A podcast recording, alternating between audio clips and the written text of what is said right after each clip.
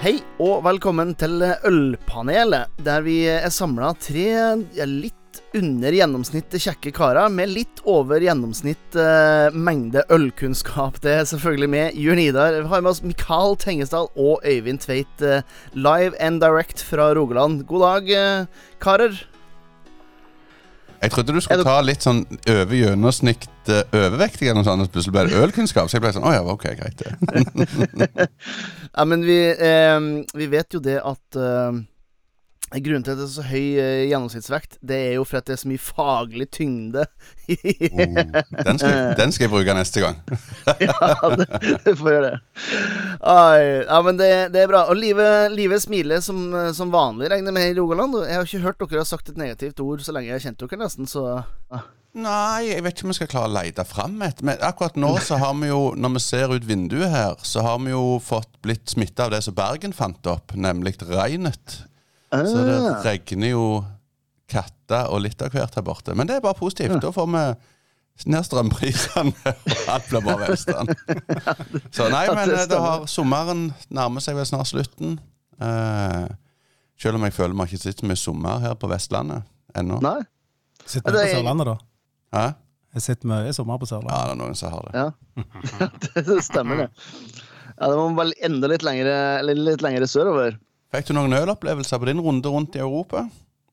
Eh, litt ble det. Vi dro på eh, Altså, det, jo, eh, det, det, fine med å dra på familieferie er jo at du drar med familie, og det negative med å dra på familieferie er at du drar med familien, så du kan kjøre akkurat sånn som du vil. Så det ble noen, eh, noen runder Nederland, Tyskland og, og Danmark. Så vi var innom ja, et whiskydestilleri og et par, par bryggerier. Um, Kanskje det morsomste å, å besøke var vel eh, Jopel i Harem, som er i et gammelt eh, En gammel kirke i eh, i den byen.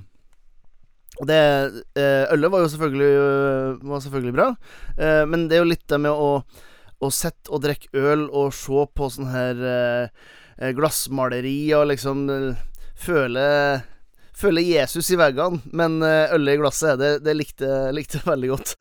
Var det Nederland? Det var i Nederland, ja. Eh, Harlem. Ok, ja.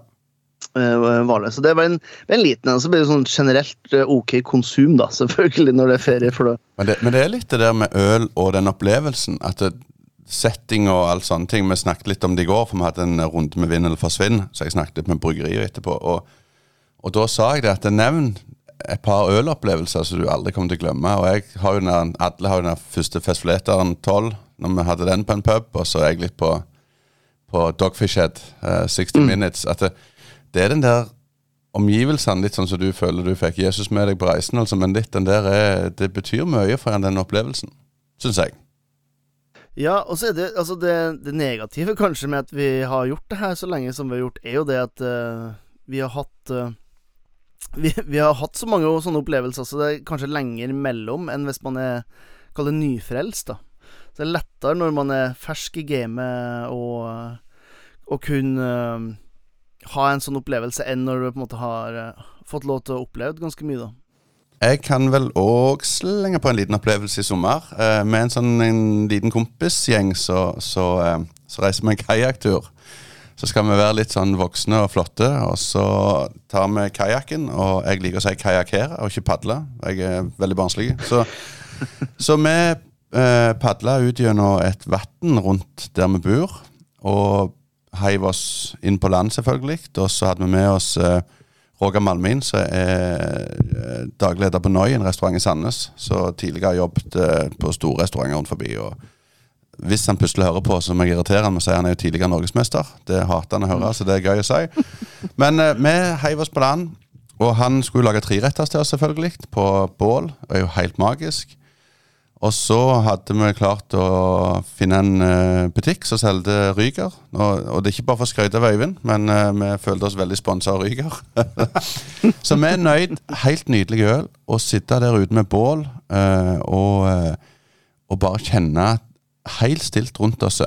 Når vi, når vi padla ut, så var det en del barnefamilier rundt oss, og litt sånn, men de forsvant. Og når vi da var på øya helt alene og bare så solnedgang og Helt fantastisk. Det var en nytelse. Da hadde vi med oss uh, Joa var jo Nei, han var heller ikke med i år. Han, han bartender melkbaren, han sto over. Så vi, vi var tre stykk, så det var helt nydelig. Og jeg er jo veldig fan. Det er så dumt at du Øyvind sitter her, for jeg har lyst til å si jeg er veldig fan av Sulke, men jeg syns det blir litt sånn skrøyt i trynet på deg. Men det var, det var iallfall helt nydelig, og det er sånn Nå har vi gjort det to år på rad, og jeg gleder meg allerede neste år. Så det trenger ikke være så lang, lang, langt reist. Nei, det er helt sant. Så du da, Eivind? Jo, det, det var tre uker med fri, så da blir det jo selvfølgelig litt øl. Uh, vanskelig å finne noe når jeg sitter og tenker. Ja, men uh, jeg hadde med ned et tappetårn på hytta. Meg og en kompis og skulle ned og male hytta til mor og far min i, i Segne. Så kom vennene til far min innom og syntes det var veldig stas. Istedenfor å gå bak hytta og hente vann i brønnen som de vant med, så sto det et tappetårn der så de kunne tappe øl ifra. Så er vi enige om at tidene hadde endra seg, da. Det er teknologisk progresjon, rett og slett.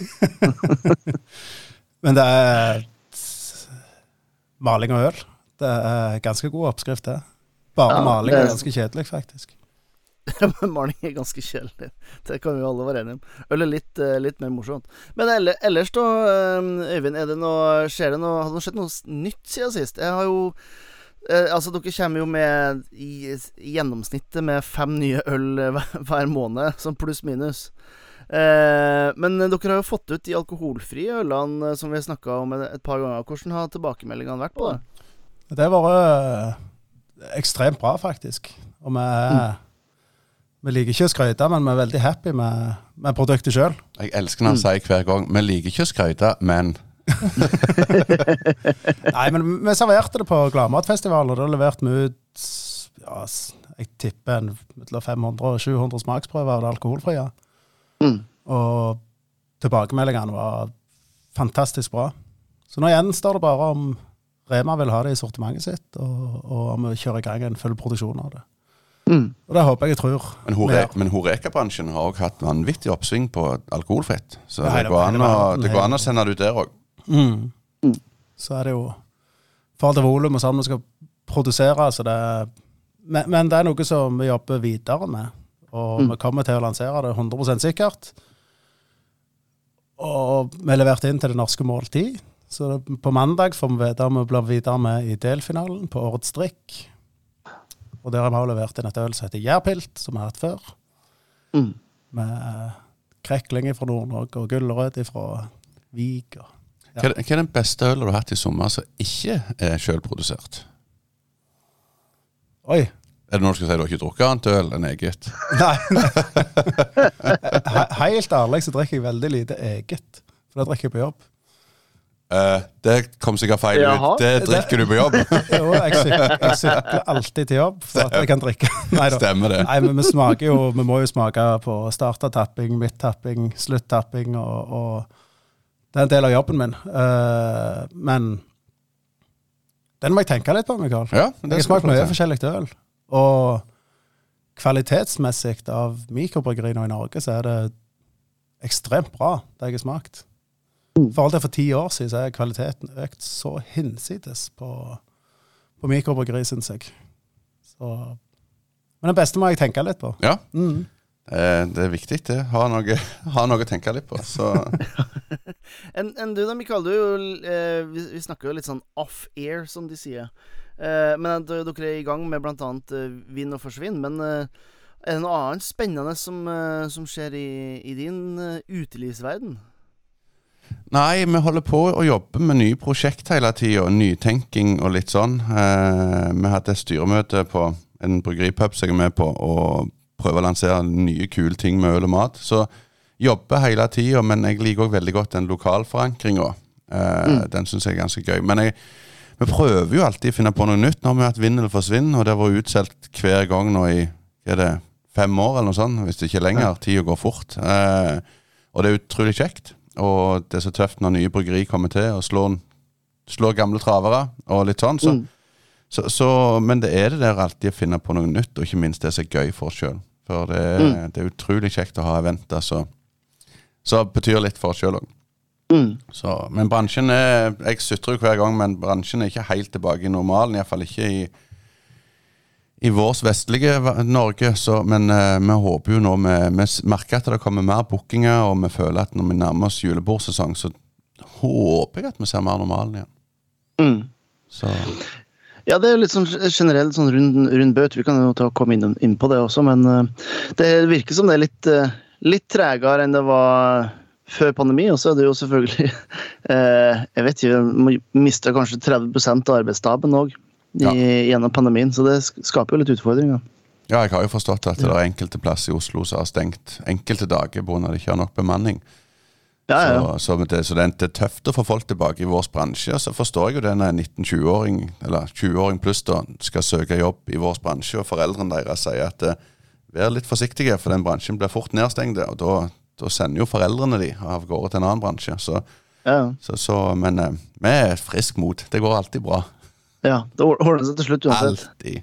Jan Idar sin verden, da. Der vet jeg at det skjedde masse.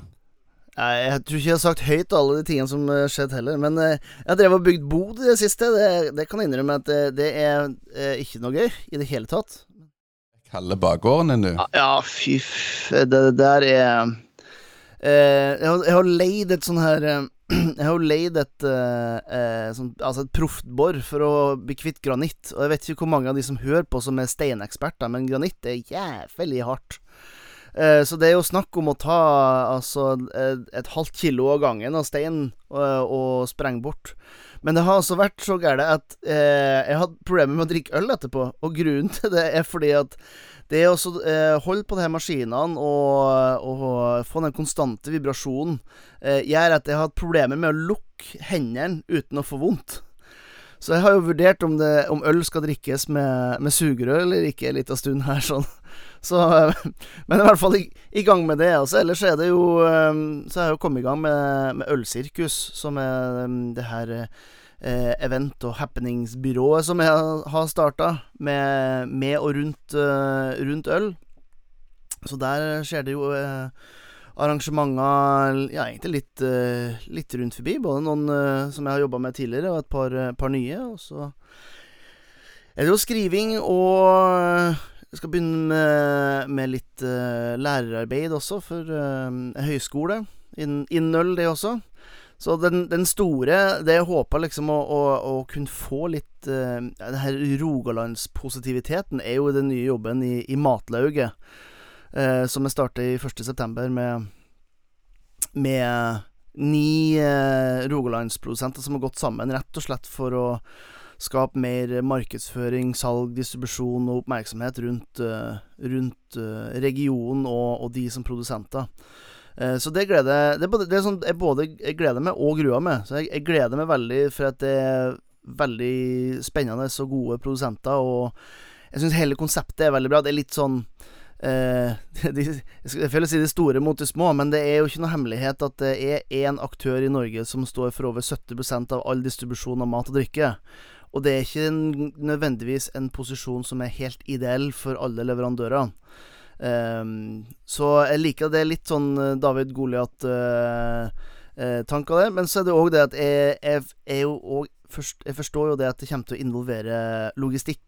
Uh, og jeg kan ikke fordra logistikk. så, så, eh, så det er på en måte det, det, jeg gruer meg til å jobbe med den delen som ikke er så kjedelig, da. Så, men eh, det blir fryktelig travelt eh, i høst i hvert fall, så får vi, så får vi se. Hvor er Jørn Idar om ti år, med alt det som foregår? Jeg har ikke peiling. Enten på galehus eller på ja, det Nei, jeg vet ikke, men det er jo litt sånn Jeg er jo, eh, jeg er jo litt glad i å prøve å si så mye ja som mulig, hvis det virker som det er noe som er gøy. Det er en sykdom Eh, også- som jeg òg dessverre har. Ja. Kan og å være litt flink og si nei, ja. Ja, det er i hvert fall ehm, Det blir spennende. Jeg har jo ikke Jeg har jo ikke sett for meg at jeg skulle være der jeg er i dag for ti år siden, så da vet jeg ikke hvor jeg skal være hen om ti år heller. Jeg har alltid vært sånn at så lenge du, det du gjør er positivt, og ikke tar for mye negativitet i topplogget ditt, så fungerer det stort sett. Da, da, da får du alltid nok mengde arbeid gjennom. Men, men hvis det begynner å slite opp i toppen, både på den ene og andre måten, sånn så pandemien burde gjort for oss å ha fått næringsnekt og sånne ting, men, men jeg er litt sånn Så lenge det ikke tar knekken på det psykologiske, psykologiske psykiske, så går det stort sett greit. Ja. Ja, og så må jeg jo oppfordre alle utesteder i Norge til å hyre inn eh, fagfolk utenfra for å hjelpe til med kursing og eventer og opplæring i det hele tatt. Og så Sånn at, sånn at jeg har noe jobb, å- gjøre òg.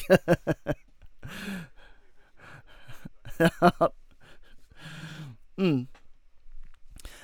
Så det er en liten, eh, liten oppsummering der. Men eh, skal vi ta og kjøre eh, inn i det her månedens tema, kanskje? Ja. Månedens tema har vi egentlig tenkt uh, Den er litt brei og likevel uh, ganske spesifikt. Og det er egentlig uh, Hva er det ølbransjen står ovenfor nå framover? Og eh, med en sånn undertittel, altså hvordan velge å påvirke ølprisene i tida framover? Vi var jo bi- bitte litt innom det i, eh, i, i sted. Med, du nevnte det her med at eh, pandemien har gjort eh, sitt i forhold til hvordan nordmenn er ute og, og, og bruker utelivet. Og litt det her med at det er vanskelig å få tak i ordentlige fagfolk. Eh, og Eivind kan vel kanskje svare enda mer på de utfordringene som er i forbindelse med de ekstreme prisøkningene som er eh, både pga. pandemi, men kanskje like mye pga. Uh, krigen i Ukraina og, og hele den holoisen der. Så hvis vi, hvis vi, begynner, hvis vi begynner med eh, Hvis vi begynner med det første først, da, som er det å lage øl. Eh, hvordan, hvordan, ser, hvordan ser det ut, eh, Øyvind? Han, men han drikker jo på jobb, så han må jo regne inn svinn òg i disse prisene. Det er der prisøkninga kommer. Stemmer Ja, vi har alltid 15 svinn, så nei da. Eh, det er klart det påvirker jo ekstremt strømprisene. Vi hadde jo en juli der vi ikke produserte så mye. Derfor ble ikke strømregningene så høy, men vi produserte ekstremt mye før. Og vi, denne måneden produserer vi mer enn vi noen gang har gjort. Og jeg tror denne måneden kommer til å få like mye strømregning som vi gjorde i hele fjor. Så det er klart det påvirker prisene. Og så er kornprisen gått opp. På de fem åra som jeg har vært og kjøpt inn i store volum, så har prisen gått opp over tre, over tre gangen. Mm. Og bare den siste måneden, eller siste halve året, så øker jo produsentene Det liksom var normalt å ha en prisstigning i året, men nå stiger de hver eneste måned. Jeg er, held, eller, vi er veldig glade for at vi tar mye lokalt korn. Eller faktisk 90% av all kornet vi tar, er fra, fra Sverre Grimstad på Laland. Mm. Men det er klart der stiger også prisene, for han bruker diesel til å tørke kornet. Og du bruker mye, mye, mye diesel for å klare å tørke korn. Så det er òg steget. Eh, fraktprisene stiger. Kegs, for eksempel, til, til utelivsbransjen, der har det steget ifra Ja, det steget med 40-50% per tomme kegg. Og det smitter jo direkte på literprisen på produktet. Mm. Så Der får du den negative Rogalands-viben, hvis du jakter etter den. ikke negativt, det er bare jævla dyrt. Ja, jeg så, jo, jeg så jo han Anders Rød, han som er administrerende direktør i Ringnes. Han snakker jo allerede i 2021 om at eh, ølet kunne bli dyrere. Men det han snakker om da, var jo eh, mye pga. Av, av økte råvarepriser. Og det har jo eh, bare gått oppover. Men akkurat det her med strømprisene er jo noe som eh, virkelig slår inn på et, eh, på et bryggeri. Altså i, egentlig i alle leddene av produksjonen. Og det er ekstremt dyrt å, bry å brygge øl, sånn sett. Ja, det er det. Energimessig så er det dyrt, og, og råvaremessig er det også noe dyrt. Så, Mm. så prisene kommer til å øke. Jeg fulgte litt med i sommer på, på de andre bryggeriene og mikrobryggeriene og, og de store bryggeriene på, på prisendringer. Jeg ser at prisen er gått opp i mellom to og fire kroner per enhet. Det er ganske mye. Uh, vi har ikke økt noe særlig, men vi kommer til å måtte øke.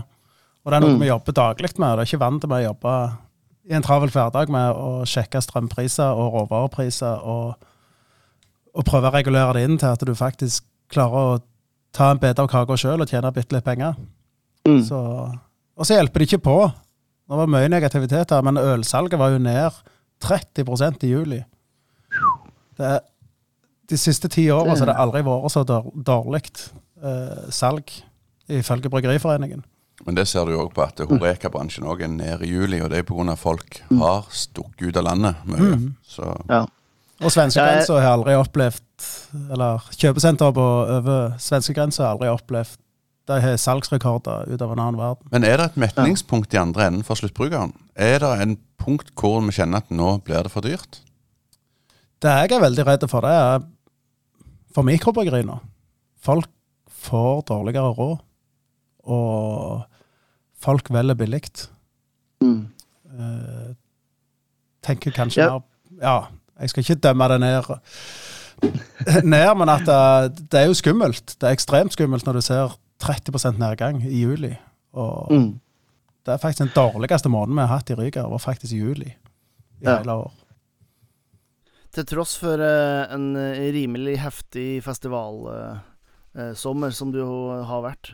Men jeg, men jeg hører jo Rund Rund Baut, og da kan vi jo ta det litt videre. Jeg, jeg snakker jo en del med utesteder rundt, altså ikke bare i, her i, i, i Oslobygda, eh, eller i Sandnes, da, som er de to, to referansepunktene jeg har, eh, men, men litt forbi. Ja, de to største. To viktigste.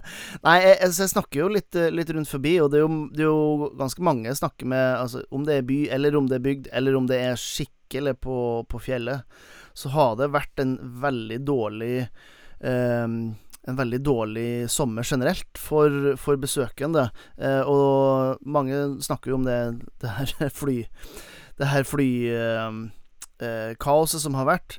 Eh, men det er jo ikke bare fordi at eh, det, mangler, det mangler folk på, på bakkene og, og ute og flyr og hele tatt. Det kommer jo òg mye på grunn av det faktumet at veldig mange har hatt lyst til å reise, så de ikke har hatt mulighet eh, til det. Hvordan opplever dere det, Mikael? Det her med, med året som har Eller ikke året, men den sommeren som har vært her nå.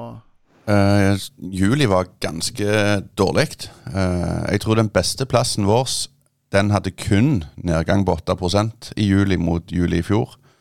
Mm. Eh, Melkebaren hadde mye større nedgang fra i fjor. Eh, men jeg føler august igjen har tatt seg litt mer opp igjen. Eh, men det er pga. det har skjedd mer, mer eventer og litt sånne ting. altså. Men, men, men jeg tror nok den tingen går seg litt til. Jeg føler firmaet begynner nå mer å ha sommerfester igjen, som de ikke har hatt på lenge. Det, begynner å bli litt mer.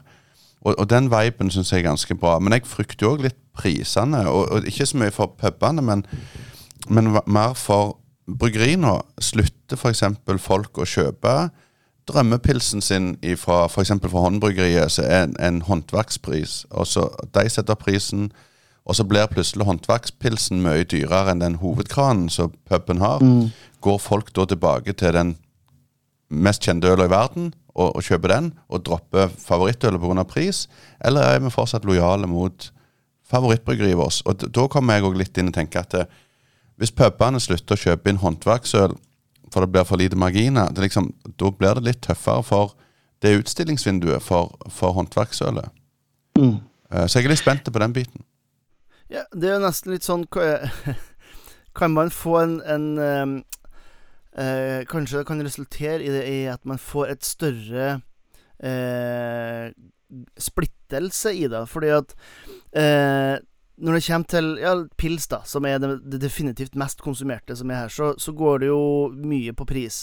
Mens når det kommer til håndverksøl, så er det jo det er gjerne på smak, ikke sant. Men eh, de som er, har råd og er villige til å betale 300 kroner literen, eksempel. Eh, de kommer fortsatt til å være. Og så har du de som er villige til å betale 70 kroner literen, som jo da er en, en butikkpils. Kanskje alt som er imellom de ytterpunktene, det blir, det blir mindre salg i det segmentet. Altså man, man får og slett en større splittelse på håndverksøl og på kall det vanlig øl, da, som et resultat av dårlig råd. Jeg vet ikke, hva tenker dere? Jeg velger å tro at du ikke gjør det. Mm. For det er sånn som du sitter gjennom alle kriser som har vært i, i samfunnet, så jeg har hørt iallfall, at eh, folk er kjedelige i ukedagene. De prøver å spare Mm. alt det de klarer i ukedagene, spiser billig middag og, og spikker og sparer. Men når helga kommer, så vil de belønne seg sjøl litt. Litt Og- 20 år tilbake i tid, rett og slett. Ja, og det er sånn Mm. dagligvarebransjen har vært. At i dårlige tider, 90-tallet f.eks., når dårlige råd, så kjøper folk dyrt i helgene. Ja. Men i VG-dagene kjøper de på det billigste. Og det, det er jo det som har skremt meg litt. For når jeg begynte i denne bransjen, og nå kjente jeg ble gammel, jeg tror det er ca. 25 år siden jeg starta den første baren jeg var med på, Og hekkan. ja, da kjente jeg allerede Nå følte jeg meg ikke unge lenger. Eh, og, og da var det sånn at hvis du da gikk ut på en onsdag, og kom hjem i taxi, så så jo naboene på deg. tenkte de, nå har, nå har Mikael fått seg et problem. Eh, og så har det utvikla seg på de 20 årene med at folk går mer ut fra søndag til torsdag. Men jeg føler at pandemien og den eh, fire næringsnekten som vi har hatt fra staten, har gjort at vi havna litt tilbake igjen. At VG-dagene blir roligere, og folk, som du Øyvind òg sier, kommer seinere ut i helgene. Så jeg føler at vanene har endra seg. At jeg tror ikke ennå at det er så mye i økonomien til privathusholdninger. Jeg tror mer det er vanene som har endra seg under en pandemi for vår del. Nå tenker jeg Horeka. Eh, så, så, så, det er derfor jeg håper det løsner litt opp. Og at ferie, reising til Spania, Italia, Frankrike osv. har gjort at eh, de kjenner på den der at det, 'Å, jeg savner å gå ut i VG-dagen, ta meg ei øl'. Det er, min, det er jo min drøm, da. Så iallfall ikke objektivt. men, eh, men eh, da kan man risikere at man får, eh, man får det motsatte, kanskje. For at folk skal spare og, og spare og spink i, i, i vanlig dag, altså i, i ukedagene, og så skal de ta ordentlig av når det blir fredag-lørdag. Ja. Det kan kanskje være en risiko. Det ser kanskje dårlig ut for meg, da som skal drive og ha arrangementer og den typen ting, fordi at det er en sånn luksus som, eh, som forsvinner. Det blir mye helgejobbing på deg, iallfall. Det hører jeg. ja, det har du snakka med kona mi, det prøver å si. men, men eh, ellers, da, hvordan, hvordan, ser du på en måte prisutviklinga slår ut uh, uh, for dere? Jeg kan jo se for min egen del at eh, hvis jeg kan, så tar jo jeg heller og eh, dusja på treningssenter f.eks. enn hjemme. Når det er nå, Akkurat nå så er det bare 5 kroner og 80 øre per kilowattime.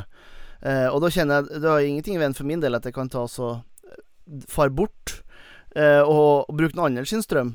Er det noe Dere har starta f.eks. med, med å vise fotballkamper igjen, som jo er en kjempe kjempeutgift som jeg tror ikke så mange som man har tenkt på. Men, det er ikke men, så dyrt. Det er 20 000 i måneden for å vise fotball ja. til 30 mann. ja, ja. ja det er... Så billig. Ja. Nei, vi måtte, vi, måtte, vi måtte, for oss å Vi har jo et eget rom uh, som vi viste Premier League fram til 2015. Og så Nå snakker jeg om Melkebar om Sandnes. Uh, og så slutta vi av med det, for vi satsa mer på ølsmakinger, mer eventer bak der. Og så hadde vi et par runder. Hva skal vi gjøre for å komme raskere tilbake til 2019 igjen? Og da var min tanke, og jeg tok det med, med alle ansatte, så sa jeg skal vi ta oss og uh, Skal vi ta oss og prøve oss Premier League igjen. Og så har vi hatt Altibox lenge, så jeg tok kontakt med dem og fikk pris. Og det, det, jeg vet det koster mye penger. Men min tanke er at hvis jeg kan få folk ut i VG-dagene til å ta to øl før kampen og to øl etter kampen, og et par selvfølgelig under kampen, så, så er òg målet at de kommer tilbake på fredag og lørdag igjen. Så jeg tror ikke vi tjener isolert penger på fotballen, men det er ringvirkningene på at eh, vi blir sett igjen av den vanlige mann. For nå er vi jo en våren ølplass, ølnerdplass i mange år. Så det er litt for at vi bygger allmennheten. Og, det og det er jo den når vi begynte med øl på Melkebanen i 2008, så var jo det kjekkeste vi visste, å få opp øynene til folk som ikke visste hva håndverksøl er. Så det er litt mer å, å gå litt tilbake i tid og bygge det opp igjen. Mm.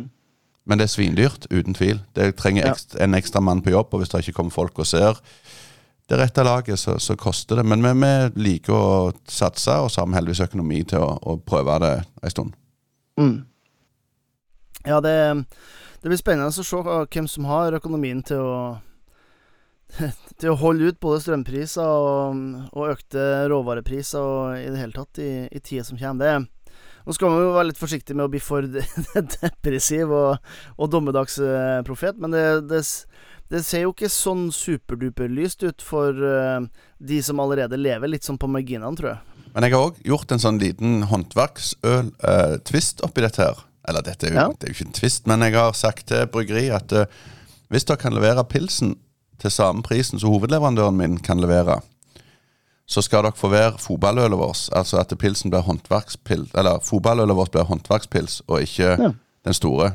Nå håper jeg ikke hovedleverandøren vår hører på, men, men, men, det er en ting som jeg har litt lyst til at eh, når de kommer inn på, på bakrommet og skal se Tottenham knuse Liverpool, f.eks., så, så drikker de et håndverkspils.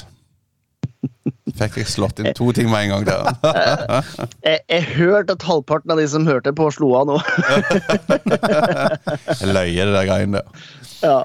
Nei, vi får bare følge litt med på det her i, i tida framover, men det ser jo ut som at det kan, uh, vi, vi går en, en spennende og litt sånn usikker tid i møte, tror jeg. Ja. Fordelen er at mennesker trenger øl. Ja. Mm. ja, det er sant. det, det, det er sant. Nei, men bra. Du, da har vi et par uh, spørsmål fra lytterne, så jeg tenker det kan være neste, neste stopp i agendaen. Ja. Jeg må jo innrømme at jeg har jo ikke vært så flink den gangen her heller til å være tidlig ute og spørre uh, om folk lurer på noe som vi kan svare på. Men jeg har jo, jeg har jo fått uh, to spørsmål i hvert fall som var brukende. Og så, legg, så legger vi til eh, Så legger vi til en til som vi har funnet på sjøl. ja, det er bra. En liten twist. Eh, og det ene her eh, Det ene spørsmålet som jeg har fått, den føler jeg litt sånn Jeg føler den litt sånn personlig eh, retta mot meg. Eh, og det er rett og slett en som har spurt eh, Hvorfor er det så viktig å snakke om øl og mat hele tida? Så det er vel noen som begynner å bli litt lei av eh, øl- og matpraten min, men jeg, eh, jeg- jeg kan starte litt med mine tanker rundt det. Eh, øl og mat begynte litt i Norge, syns jeg, med Sigrid Strettfaren i eh, Ringnes. Så hadde ei bok som heter 'Øl med kniv og gaffel'. Så begynte å få litt fokus, og det er sikkert før det, altså, men det, jeg snakker litt for min egen del. Og så er det det at vi har alltid drømt om å få øl på matbordet. Hvis du ser på skinnflaskene, så er det noen av de flotteste 075-flaskene i bransjen. Når, når Skinn Vestkystblad f.eks. skal stå på julemiddagsbordet, iallfall i, i, i der jeg feirer jul, så er det litt den der at man har lyst til å få øl til å posisjonere seg opp mot vin, føler jeg mye har vært kampen i ti år til, til, til vår bransje. Og det, det er det jeg føler det kommer litt av. Og så blir det litt det at det, vi gjør det litt jeg, si, vet ikke, litt mer mainstream å få øl og mat til å henge i hop, for det passer vanvittig godt i sammen, mm. tenker jeg. Nei, jeg Så ble det helt, helt enig. Ja. Nei, jeg er helt enig. Og, eh, hva tenker du, Eivind, i forhold til, eh, til det? Er, er det egentlig viktig å snakke om øl og mat hele tida? Selvfølgelig. Ja. Det er jo det vi lever hvorfor på. Øl og mat. Nei, det er Ble jo litt inhabil når du er i bransjen, men det er jo ekstremt spennende. Og, og kombinasjonen øl og mat er jo Jeg eh, Ja. For jeg mener du kan finne ei øl, øl som passer alt fra østers til hamburger til pølse i brød. Det er liksom, det er det jeg syns er så herlig, at du finner den opplevelsen. Og det er litt sånn Du setter N, altså øl, pluss N mat. Altså N pluss N blir tre. At du får en magisk opplevelse. Det er det det handler om, syns jeg. Derfor maser vi nok litt mye om det. Be beklager til dere som syns vi maser. Vi maser jo ganske mye om alt, men uh, spesielt det. Ja, jeg, jeg jeg skal ikke si alle grunnene til hvorfor det er så viktig, for det, er en, det er faktisk en hel podkast i seg sjøl. Altså en, en bokstavelig talt en hel podkast. Men for min del så er det eh, Det er det absolutt mest naturlige å drikke med mat, fordi vi i Norge har ikke, en, har ikke hatt en kultur for eh, vin og mat i kombinasjon, for vi har ikke produsert vin eh, i, i noen særlig grad eh, annet enn eh, hjemme på kjøkkenet. Eh, så det at vi driver og, og tenker at det, det, det, beste til, til mat er, er, er vin, det er jo noe som eh, er ganske klar markedsføring og markedskrefter som står bak fra Spania, Italia, Portugal og, og i det hele tatt. Eh, og vi har jo eksempler på det med Vossaøl, eksempel, som jo er helt fantastisk til, eh, til smalahove. Eh, og det er ikke tilfeldig, for man har jo tradisjonelt sett laga øl som passer til den maten man har. Det er bare å se på Belgia, eksempel, og den store variasjonen du har i forhold til Ja, hvis du drar til Flandern, eksempel, som har mer kjøtt i, i kosten sin, så var det mer naturlig å ha en, en øl som passer bedre til det. Så det, det er masse sånne naturlige ting der. Og så er det jo selvfølgelig det faktum at uh, det jeg syns det er bedre å kunne støtte uh, norsk næringsliv, og så skal man jo først hvis man, skal, hvis man skal prøve å være litt sånn her eh, grønn i tankene, da, og tenke på miljøet, eh, så er det jo mye bedre å eh, drikke en øl produsert i Norge, kanskje til og med med norske råvarer, enn å få det importert fra Sør-Afrika eller Chile eller eh, Frankrike, eller hvor det måtte, måtte være hen. Eh, så jeg syns det er bare er mer, mer naturlig. Og så er det jo Ja, det, Det er to hovedgrunner bare der. Ja, det Der forklarte uh, Jørn Idar med to setninger om hvorfor øl og mat var viktig. Men det som jeg hørte litt i det sammendraget der, var at uh, vi burde snakket en gang på podkasten når vi begynte å stjele alkohol av foreldrene våre. For når du nevnte at du hadde vinlaging på kjøkkenbenken, så fikk jeg sånn flashback når jeg stjal vin av mora di som ikke var ferdig. Så, men ja, øl og, øl og mat er viktig. Ja. Ja. Og så, jeg, jeg- jeg kan jo ta den siste. Det, eh, hvis, man, eh, hvis man begynner å få et litt annet syn på øl, altså når øl liksom noe mer enn bare et nytelsesmiddel, så tror jeg man kommer litt mer bort fra det her med flatfyll. da Altså all konsum i fredag og lørdag. Som uh, dessverre er litt sånn trademark for, for Norden, da, og jeg tør faktisk påstå Norge spesielt. Um, men hvis man kan ta seg én øl uh, fire dager i, i, i uka i stedet, så, så er det bedre sammen med maten. Gud, nå gleder jeg meg til dilemmaet mitt. Ja. ja, men det er bra. Eh, eh, et annet spørsmål er jo superåpent, eh, og det er rett og slett bare trenger vi mer øl? Og her kan man, her kan man jo se Trenger man mer øl i volum, eller trenger man mer altså fysiske forskjellige øl? Og et, jeg, jeg, skal, hvis jeg skal svare på volumet, så tenker jeg at vi trenger kanskje ikke å drikke mer, men vi trenger kanskje å drikke bedre. Men jeg vet ikke, trenger vi mer øl? Nå, nå vet jeg at eh, nå er det enkelte som Hvordan- de- Sitter du nærme nok, Øyvind, til å slå meg? Men jeg må jeg, eh, jeg, jeg begynner å føle bitte litt at mange bryggeri går litt i Micheller-skolen, syns jeg. Det begynner å bli litt mange like øl fra bryggeri. At et bryggeri lanserer 20 øl i løpet av et år, og det er 19 av de mest identiske. Blindsmak Nå setter jeg på spissen, selvfølgelig, for det elsker jeg å gjøre. Eh, men, men jeg syns mange bryggeri nå begynner å bli sånn at hvis jeg smaker den Oi, den har jeg smakt før på samme bryggeri, men bare med litt annet navn. En bitte litt liten skvis andre veien. Så jeg syns kanskje at det begynner å bli litt mange øl fra, fra mange bryggeri. Syns jeg kanskje. Unnskyld til alle dere som er irritert nå. Ja. Eh, Banking i Rogaland. Eh, jeg, jeg kan jo si det uten frykt for å bli slått, da, men jeg er helt enig. Haha, så ikke Hei, hei, hei, hei. hei. Nei, men jeg, jeg, jeg er enig i da at eh, Altså, man kan jo Hvis man tar og søker opp den Den Instagram-profilen Hazy Boys, for eksempel, så er jo det eh, nesten utelukkende memes om hvor lik eh, Neipa er og Juicy Ipa er, er, og diverse pastry-produkter og i hele tatt. Og det eh, En av de tingene som jeg, som jeg syns er litt fascinerende å, å høre, og det, det har jeg hørt i ganske mange år allerede, det er det her med at ja, men vi brygger bare det som eh, øldrikkeren vil ha. Og så Da blir det litt sånn eh, Ja, men, men hvordan metrics, hvordan data baserer du det på? Eh, nei, det er liksom Ja, rating er sånn og sånn høy, og man får solgt det med en gang. Så, ja, men det har, en, har en portefølje godt av å ha 20 forskjellige hazy IPA-er, eller er det variasjonen som, eh, som kan telle? Det er, litt sånn på det samme som du sier, Mikael, at det er litt sånn en Mikeller-fella som eh, som man havner i, rett og slett. Selv om Mikeller ikke er det nå, så føles det ut som en del andre som har havna i den fella etter hvert. Jeg, jeg kan forklare litt sånn uh, praktisk rundt det. Men være litt seriøse. Nå, nå, Når jeg, nå, jeg nå, å nå, banke Mikael nå føler jeg han sinte onkelen kom inn og kjefter på oss. Skal ikke skylde på noen. Nei. Eh, vi lagde Vi har flere øl som er lagd flere ganger. Faktisk. Eh, det som skjer, det er at folk vil prøve noe nytt. Vi lagde et øl med jeg tror det var aronia og et eller annet annet oppi. Aronia plomme, tror jeg det var. Lagde vi dette ølet. Solgte det inn til Vinmonopolet. Det fløy ut. Og vi var superhappy. Lagde det en gang til. Solgte ingenting. Mm. For folk vil prøve nytt. Og du er avhengig av et salg for å overleve.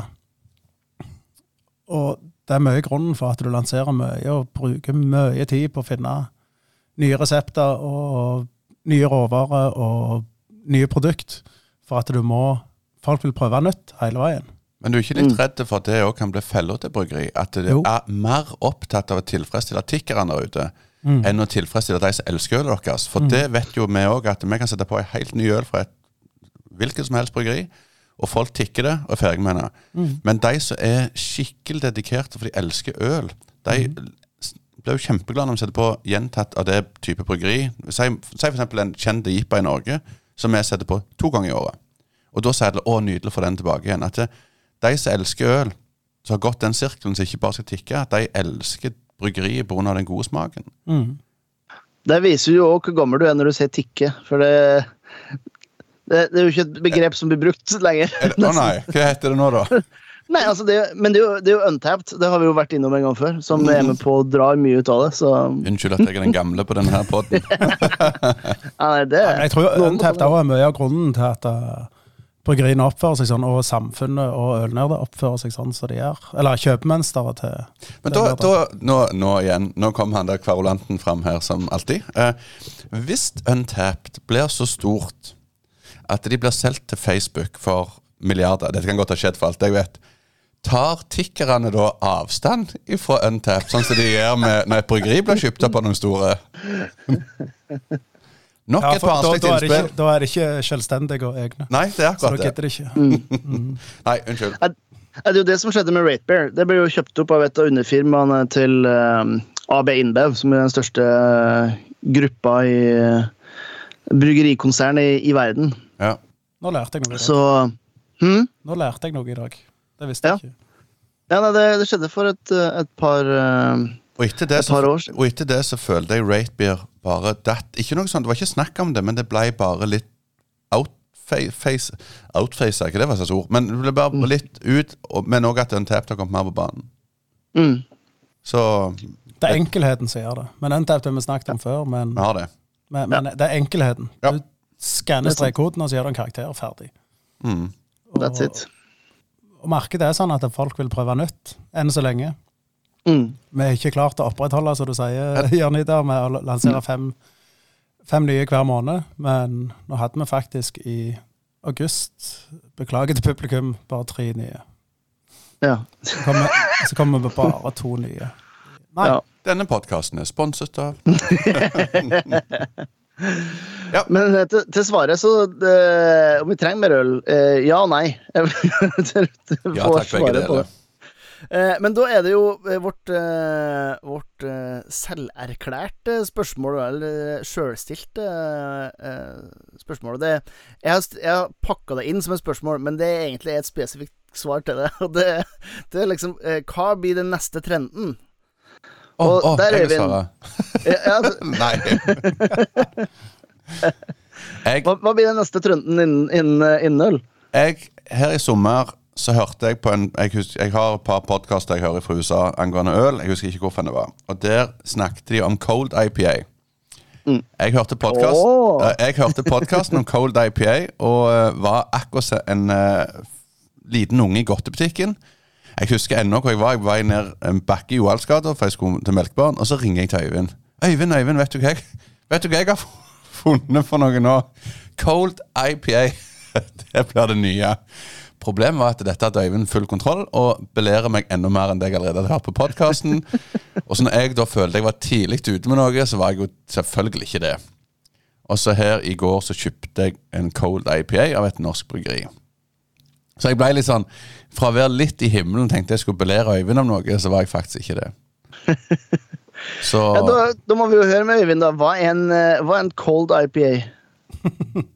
Er ikke, er ikke alle IPA-ene best kalde? det, jo, det var det jeg òg tenkte. Det er en cold IPA, det er jo For de som drukker Steam Bear og, og er Anchor Brewing. til Anchor Brewing. Så jeg tok patent på Steam Bear, faktisk. Men en altbier Det er egentlig lagerøl eller en pilsner gjær som er blitt gjæra på litt høyere temperatur for å få litt mer ester og fenoler ifra gjæren. Jeg kan bare litt sånn som han som står bak dette, eller han som blir sett på som grunnleggende såkalt cold IPA. Han sa det at han ikke er så opptatt av hva ingrediensene er i øl, så lenge du får det stilregna. Og det er det han mente, at ja, han bruker en lagergjær, eh, men han mener at når du smaker i øl, og du kjenner bitterheten, du kjenner alt som så tilsvarer en IPA, så mener han det er den stilen det skal gå i. Så, så litt sagt for ikke et nerdenivå, men så enkelt mann i gata-nivå, sånn som jeg er på, så ser jeg på at en cold IPA er i grunnen bare en IPA som er lagd med lagergjær.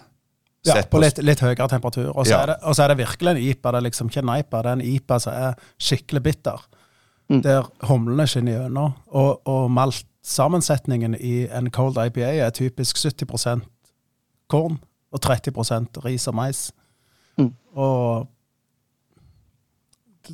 Jeg kan ta litt sånn liten Når vi så, meg og deg, Øyvind, så i en jury en gang på en øldømming i lag med Amund eh, Og der fikk vi beskjed om før vi satte i gang at vi skulle kun bruke den appen om amerikanske ølstiler, eller hva jeg husker ikke hva den appen heter. BICP. Ja, det hørtes veldig kjent ut. Uh, og da skulle vi kun bruke den på den stilen vi gikk i. Og, og da, det er litt der som jeg føler han med Cole IP Han sa hvis du er innfører smak og alt sånne ting, så er det den Så er det det den blir klassifisert som. Men hvis du hadde lest betegnelsen hans, så går ikke noen vanlig IPA. Det er vel derfor han slenger på det cold. Kanskje bare for å, å det er en helt ny måte å lage men, han Det er en sa, helt ny IPA. men han sa at alle IPA-ene hans brukte han lagergjær i. Ja. Og det er veldig diskutert forhold til Nå blir det ekstremt nerdete, men forhold til tid du skal tilsette humle, og temperaturer, og hvor lenge det skal ligge, og ja.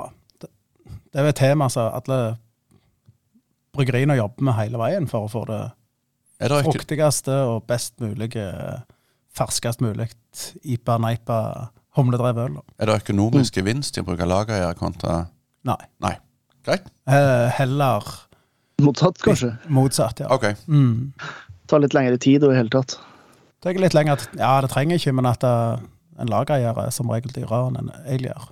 Bitte, bitte, Mm. bitte litt. Men jeg vet iallfall neste gang jeg finner noe som jeg tror er kult, så skal jeg hinte til Øyvind. Og hvis han ikke biter på hint, så skal jeg skryte meg opp. Men ikke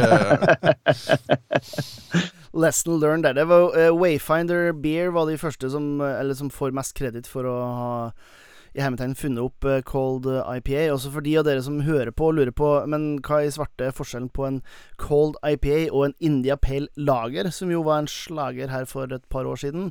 Så er det jo det at en India Pale Lager er eh, ja, litt mindre bitterhet, eh, litt mindre humle, og så kan det faktisk eh, være litt uklar i forhold til en cold IPA som er, som, som du sier, Eivind, den ganske kraftig humla med en klar bitterhet, og gjerne litt høyere alkohol også. Det som En kjennetegner typisk cold, indiepille. cold IPA, er jo også at den er ekstremt, ekstremt lys. Mm. Det er liksom ikke en Det er ikke en Kinn vestkyst eller en uh, håndbryggeri sin fyr og flamme. Det, det er liksom ikke Du har ikke karamellmalt oppi i det hele. Nei. Så den er kjempe, kjempelys. Så humla snakker gjennom hele ølet i lag med, med pilsner eller lagergjæren. Mm. Mm. Nei, men bra. Da har vi fått uh, sagt da har, vi, da har vi fått sagt akkurat det svaret vi ønsker å gi på det fiktive spørsmålet hva den neste øltrenden er. da kan vi begynne å, å, å nærme oss slutten. her. Vi, vi tar rett og slett et litt nytt segment her. Og det nye segmentet er inspirert av Mikael og en annen podkast som driver, for der er de, de, de slarver, de òg. Eh, om, om livet og døden og alt som er midt imellom der, selvfølgelig. Norges mest, Mest- useriøse podkast. eh, men der er dere jo ganske flinke å kjøre dilemma. Ja. Eh, synes jeg, og jeg syns det er ganske gøy. Så eh, i, i går kveld så, eh, så spurte jeg ja, Kanskje vi bare skal, skal kjøre sånn øldilemma, vi òg, da. Eh, og avslutte episodene med. Og da, da fikk vi en eh, litt sen melding fra Mikael og sa bare Ja, jeg har sett på bussen på vei hjem fra pub. Så jeg er veldig spent på hvilket dilemma du, eh, du har eh, koka i hop eh, til oss, Mikael. Jeg kan starte med et dilemma, men jeg får først si at på den andre podkasten vår, som heter To bartendere, bare for å reklamere bitte litt, så Ja. hadde vi et dilemma som var såpass på kanten at min kjære datter hørte det. Og da sletta jeg den episoden etterpå. Fant ut om å roe ned dilemmaet litt. Men uh, dilemmaet mitt til dere to er at uh, du får kun drikke fire øl i måneden. Men du kan velge nøyaktig hvilken øl du vil, men maks størrelse 0,75. Bare sånn at dere ikke finner sånn femliter av et eller annet slag. Ellers kan dere drikke så mye øl du vil i måneden, men ingen over 4,7% Hvem begynner? Skal du begynne, Øyvind? Det Ser ut som du tenker Ja, du- du- du- Kan du begynne, Jonny? Jeg kan begynne. Um, Jeg, jeg tror fire øl i måneden. Og det er rett og slett fordi at uh, jeg, jeg føler det er så mange stiler som jeg er så glad i, som jeg hadde Som jeg ikke hadde kunnet drukke da hvis jeg skulle holdt meg til under 4,7. Det har ikke vært noen uh, punchy dobbel-IPA, det har ikke vært noen Imperial Stouts, det har ikke vært noen ordentlige bal baltiske porter. Det, jeg tror rett og slett jeg hadde kommet til å savne så mye, så da ville jeg heller sett uh, Syns at det er fryktelig kjipt å ikke kunne uh, ta med en øl eh, rett etter at det er halvferdig med boden, f.eks., for, eksempel, for bodbygging og den typen ting. Uh, så må jeg synes at det er litt kjipt, men heller glede meg til da lørdag klokka fem, når jeg får lov til å ta uh, ukens utvalgte øl. Så jeg tror uh, Jeg tror fire, fire øl i måneden. Øyvind? Jeg er enig med deg. Fire øl i måneden. Ja. Det da kan du velge fritt valg. Og det der å glede seg til, til fredag etter jobb og, og ta ei øl. Jeg hadde, òg kjent veldig på den at hvis jeg tar ei på fredag eller lørdag, så kan jeg ta ei på mandag igjen hvis jeg vil. Jeg, det er sånn jeg legger opp mine løp. Men, men jeg vil heller også glede meg til den ene magiske øla enn det der bare må ha for å ha. For det, det, så jeg, eh, jeg er enig med dere begge to. Fantastisk. Mm. ja, det er bra. Har du et eh, dilemma til oss, eh, Øyvind? Har du ditt først? Jeg kan ikke, ikke noe Nei, men Alle trenger ikke komme med dilemma, men et par må vi ha. Jeg har, jeg har mitt, og den er jeg veldig fornøyd med. Det må jeg innrømme før jeg sier den, og så får vi se om den treffer så bra som jeg håper. Uh, uh, du kan enten ha korona et helt år, med de følger det må ta, altså miste av luktesans og hele tatt. Uh, men du kan drikke akkurat hva du vil. Eller du må drikke korona et helt år. Uh, det, er- spiller inn litt ting, for du kan jo faktisk få en At sykdommen kan være ganske tøff med deg. Uh, den kan ta ifra deg uh, alt ifra smak, lukt og mange ting. Så kan det være at du ikke får gleden av den ølen og noen ting i hele tatt. Det, kan være at du ikke har kreft nok til å trene. Det kan være så mange ting som spiller inn. Så jeg Ja, du mister luktesansen med, med koronaen det året Ja. du har korona. Så jeg drikker korona uten lime. For jeg var på, i Mexico, og så var jeg på et hotell der, og så gikk jeg i baren, så jeg vil gjerne ha tre korona. Og så sier han ja, jeg antar du vil ha lime i, så kjente jeg nei, det skal jeg tydeligvis ikke ha. Og da fortalte han at lime var jo bare noe de hadde og tok rundt kanten på ølet. For å få vekk insekter og lignende i langt, langt tilbake når Mexico var sikkert verre enn det det. Så sa han at men dere i Vesten dere har begynt å stappe det oppi. Så alt sånne ting. Så da blir det ett år med korona uten lime for min del. Jeg òg. Jeg er et år med korona. Jeg hadde jo vært ødelagt på jobb hvis jeg ikke hadde hatt eh, luktesans og eh, Ja. Jan Mm. Eh, jeg, hadde gått for, jeg hadde også gått for korona. jeg, jeg, jeg drukker bare det et helt år. Så Jeg er for glad i mat, vet du. ja, så da går koronasalget opp i Rogaland. Og Grorud Ja, det er bra. Eh, har du et lite dilemma på slutten, eller? Nei, Jeg tror vi må hoppe over dilemmaet mitt denne gangen. du tar det neste Ja. runde. Jeg tar neste runde. Jeg kan ta dobbelt neste runde. Ja. Ja, det er bra.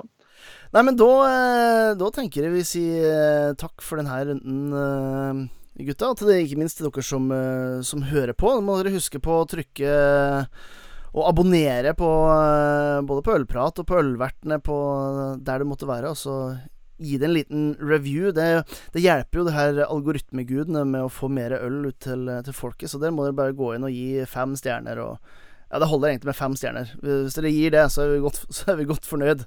Eh, og så er det jo bare å eh, støtte lokale bryggerier og utesteder og i det hele tatt. Prøve å hjelpe så godt man kan ved å drikke litt godt øl. Og så eh, gleder jeg meg til å komme over til eh, Rogaland. Det blir jo litt, litt oftere nå, da. Så det er ikke sikkert dere gleder dere så mye til det, men jeg gjør nå i hvert fall det. Ja, det, ble, Det blir gøy. det blir fantastisk.